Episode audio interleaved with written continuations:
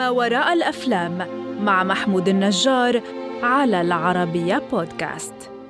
من حياة ممتعة جدا مليئة بالمغامرات لكرسي متحرك في قلعة وحيد تماما. بس إيه اللي حصل معاه؟ وإزاي وجود شخص واحد قادر يغير آخر أيام حياته؟ أهلا بيك في حلقة جديدة من بودكاست ما وراء الأفلام. أنا محمود النجار والنهاردة أحكي لك عن ما وراء فيلم Me Before You فيلم Me Before You على الرغم إنه يبان واقعي جدا لكنه في الحقيقة مبني على رواية ليها نفس الاسم. كتبتها جوجو مويس الحبكة في الفيلم هي نفسها حبكة الرواية وأكيد بشكل أو بآخر جوجو مويس قدرت تجيب الفكرة دي من مكان ما. واللي حكت عنه جوجو مويس وكان مثير للإعجاب هو إن أحد أفراد عيلتها كان مصاب بمرض ما وبسبب مرضه كانت بتشارك في إطعامه ورعايته. ده أوحى ليها بأسئلة كتير عن مدى أهمية الحياة وسبب تمسكنا بيها وإمتى الحياة تصبح بلا قيمة فعلا. وهل الشخص ليه الحق إنه يقرر ينهي حياته حتى لو كل اللي حواليه معترضين على ده؟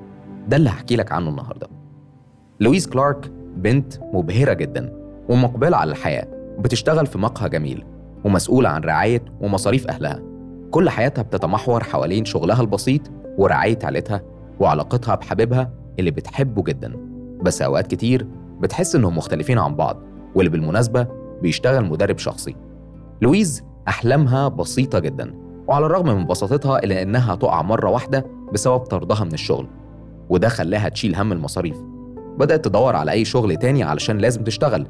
خلال رحلة لويز للبحث عن شغل بيرشح لها الموظف عميل قعيد محتاج رعاية والمرتب حلو جدا وكمان قريب لبيتها. وقتها بتتشجع جدا وبتروح لكنها بتتفاجئ هناك إنه مش شخص كبير لكنه شاب اتعرض لحادثة اتسببت في فقدانه لكل حركته. ومجرد ما تبدأ تعرفه بيدعي الصرع علشان يخليها تهرب لكنها بتوافق على الشغلانة علشان الفلوس. ومن هنا بتبدأ رحلة لويز مع ويل. لويز وويل شخصيتين مختلفتين تماما. هي أحلامها بسيطة ورغباتها أبسط. ويل شخص كان محب للحياة خاض مغامرات كتير وجرب رياضات كتير لكنه ليه تجارب في الحياة مختلفة لكن القدر كان ليه رأي تاني. لويز كانت بتتعامل مع الموضوع في الأول كشغل كشغل بس وما كانش فارق معاها أي حاجة غير الفلوس وإنها تفضل قادرة تساعد أهلها.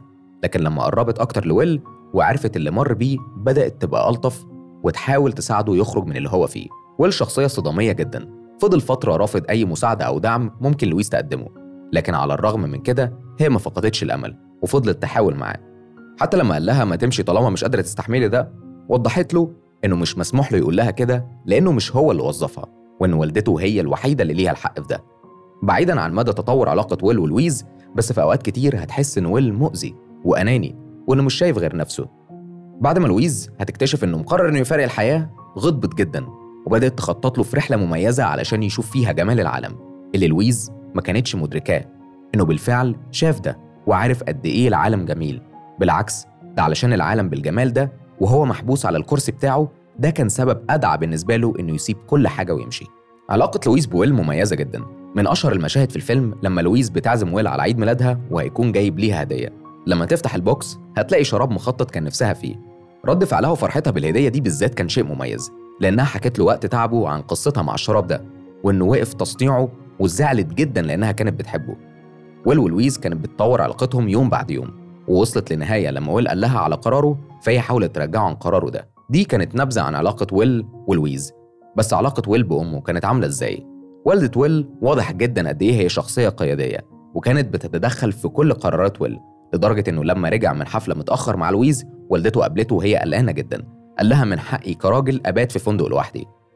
في مواقف كتير بيبان فيها شخصية والدته وعلى الرغم من كده أغلب تصرفاتها كانت بدافع الحب. هي كانت بتحب ابنها جدا وفي نفس الوقت كانت خايفة إنه ينفذ اللي في دماغه. على عكس والد ويل كان متفهم جدا اللي بيمر بيه ابنه. كان عارف إن اللي عايشه ده مفيش حد يستحمله بسهولة وإن شخص كان عايش الحياة بطولها وعرضها مرة واحدة يبقى محبوس مكانه ده شيء صعب.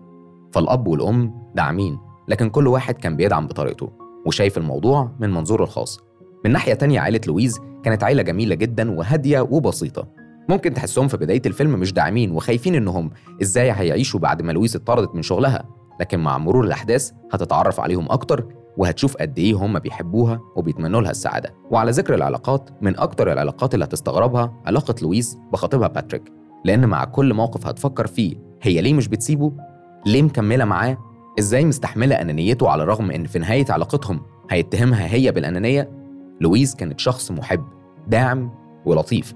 كانت دايما بتحاول تكون مع خطيبها وتدعمه لكن الحقيقة هو كان بيهتم دايما بنفسه وبأهدافه. بس لما تيجي على شريك حياتك علشان شغلك وقتها محتاج تراجع ده. ممكن تفكر هو إيه الفرق بين موقفه وموقف لويز لأنها عملت كده وهي كمان اختارت تسافر مع ويل في رحلته الأخيرة. الحقيقة أنت الوحيد اللي هتقرر تشوفهم هما الاتنين إزاي. هل طرف فيهم بس أناني ولا الاتنين أنانيين؟ كل واحد فيهم ليه وجهة نظر. بس ليه فيلم Me Before You فيلم مميز؟ الفيلم بيوريك طبيعة أشخاص مختلفين عن بعض تماما وعلى الرغم من كده هيتأقلموا. بيوريك إن أحيانا لازم نفهم قرارات اللي حوالينا مهما كانت صعبة أو شايفين إنها فيها أنانية. وكمان بيعلمك الشجاعة. لويز بعد ما كانت شخص خايف يقبل على الحياة ويل علمها إن الحياة جميلة وفيها كتير علشان يتعاش. فلما تعيشها عيشها بأقصى طاقة عندك. واستمتع بكل لحظة هتعدي عليك. ده اللي ويل قاله للويز. وقال لها You only get one life. It is actually your duty to live as fully as possible. فيلم Me Before You بطولة إيميليا كلارك as لويز لو سام كلافلين as ويل وجانيت ماكتير as كاميليا مي بيفور يو من الأفلام اللي هتحب تشوفها أكتر من مرة. هتتعلق بأبطاله وهتزعل في نهايته. لكن بعدها هتفرح لأن البطلة هتنطلق وتعيش حياة سعيدة. شوف الفيلم دلوقتي وشاركني شفته من أنهي منظور. واستناني الحلقة اللي جاية أنا محمود النجار علشان نشوف فيلم جديد بمنظور مختلف منظور ما وراء الأفلام.